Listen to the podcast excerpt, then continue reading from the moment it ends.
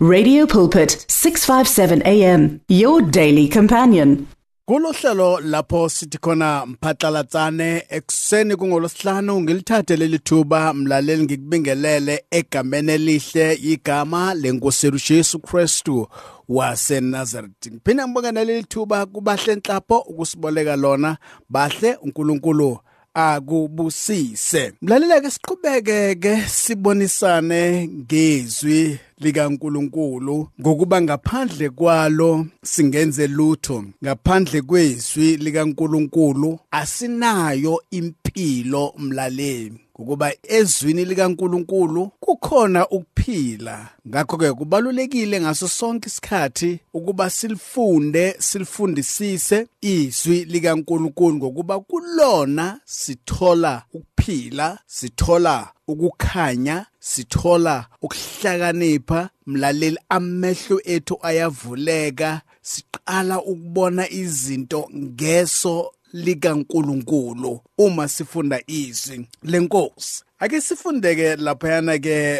ku John chapter 11 ke sithi ke ukuqala ukufunda laphayana ke ku verse 21 John chapter 11 verse 21 wayesethi uMartha kuJesu Nkosi uma ubukhona umne wethu nga engafanga. Nawa amazwi angibusisayo umlaleli angihlaba umxhwele uMartha uthi kuJesu Jesu kube bowukhona nge umna wethu engafanga. Zinengi izinto ezenzekalayo empilweni zethu. Abanye bethu siswela ukuthula ngenxa yokuthi uJesu akekho empilweni zethu. Abanye bethu siswela ukuthula emakhaya ngenxa yokuthi uJesu akekho empilweni zethu. Ngamanye amagama asisiboni isidingo sokuba uJesu abe khona empilweni zethu. Manje la uMartha uyasibona isidingo sokuba uJesu abe khona ngaso sonke isikhathi empilweni zabo. Usuyabona ngempela ukuthi ke kuba uJesu bekhona ngelezinto zingenzekanga. Mlaleli ake siphinde sibuye size kithina. Abantu bayasho yini noma ekhaya bayasho yini ukuthi mkete kube bowukhona nge izinto zihamba kahle ekhayeni lethu noma ehlotsheni zethu. Bayakusho yini lokho na? Ngokuba izwi lenkosi lithi sifunda kuJesu. Ngamagama izinto uJesu azenzayo kumele nathi mlaleli sizenze ngenxa ukuthi ke sifunda kuye. Abantu bakubona uhlobo lunjani labantu abanye baze bathi uyazi lo asimdingi ekhaya. Nanoma kunemicimbi asimdingi ngoba uyahlupha mlaleli. Kepha la uMartha uthi kuJesu Jesu kube bowukhona nge umna wethu engafanga. Mlaleli kwangathi lawa mazwi ifamily yakho ingawaphimisela kuwe ingawasho kuwe. Bangathi uma sebekubona bathi hey! waze wafika umuntu ohluphayo. Ake sibuye futhi size kubazali especially kobaba. Uma ufika ekhaya ziyajabula ingane yini noma zivele zicashe zingene ngaphansi kwamatafula ulolo hlobo lunjani lokababa ngamanye amagama abafisa ukuthi ube khona wena kwakho nje kuthumela imali ngenxa yempatho obaphatha ngayo ingane zakho. Mpatho enjani ophatha ifamily yakho? Ubaphatha kanjani umndeni wakho? Uphila kanjani nabo mlaleli? Bayasho yini ukuthi siyakhumbula?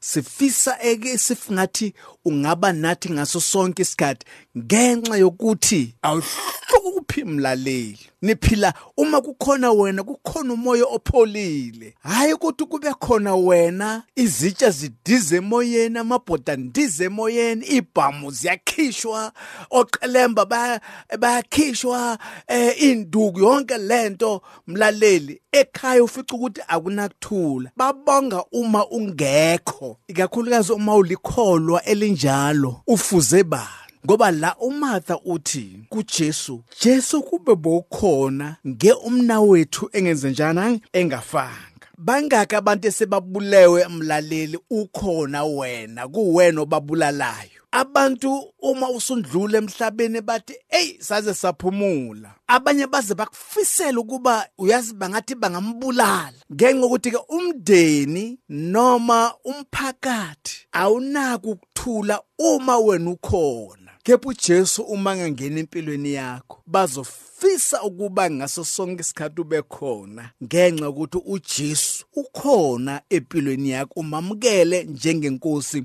nomsindisi. Jesu kube bowukhona ngeumna wethu ngafa angafanga.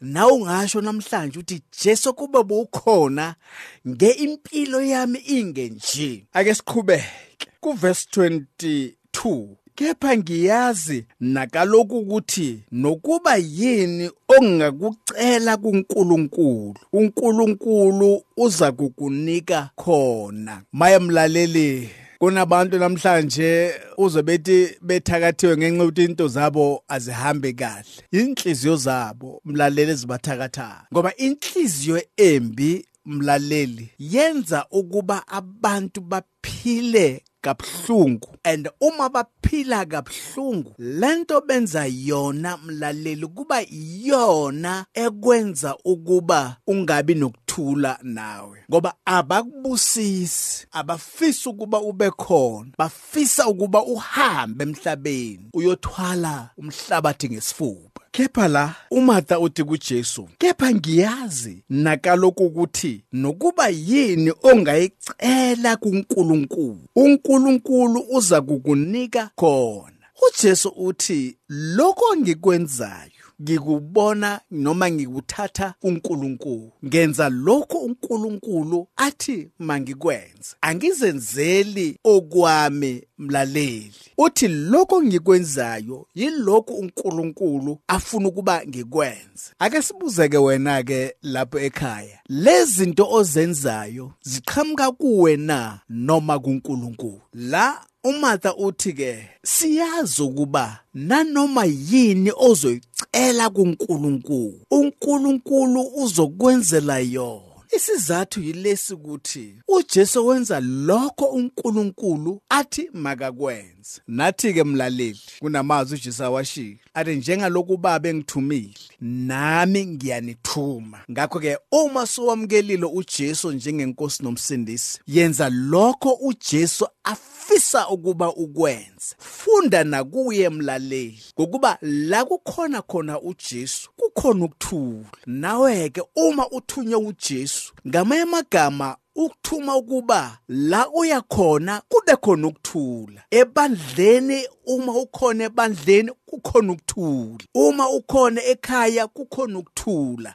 Ngenxa ukuthi ke wamkele inkosi yokuthula. Kepha uma ungazwisisi lenkosi oyamkelile ukuthi kuyinkosi yokuthula hayi mlaleli usenkingeni. Ngenxa yokuthi uzokhuluma ngenkosi yokuthula kepha wena ungenako ukuthula. Ukhulume ngenkosi ebusisayo. Kepha wena ungabusisi. Ukhulume ngenkosi efisela abantu ilokotho ezinhle. Kepha wena ungabafiseli ilokotho ezinhle. Ukhulume ngenkosi engazondi abantu. Kepha wena kube uyazi uyabona ukuthi kuphambene kangakanani mlaleli? uJesu uthi njengalokhu ubaba engithumile ngakho nami ngiyanithuma uthe lokho ngikwenzayo ngikubone kubani? Kubaba kungakho ngikwenza. Ngakho ke njengalokhu uJesu athi ke nathi uyasithuma. Ngamamagama kumele sifunde kuJesu.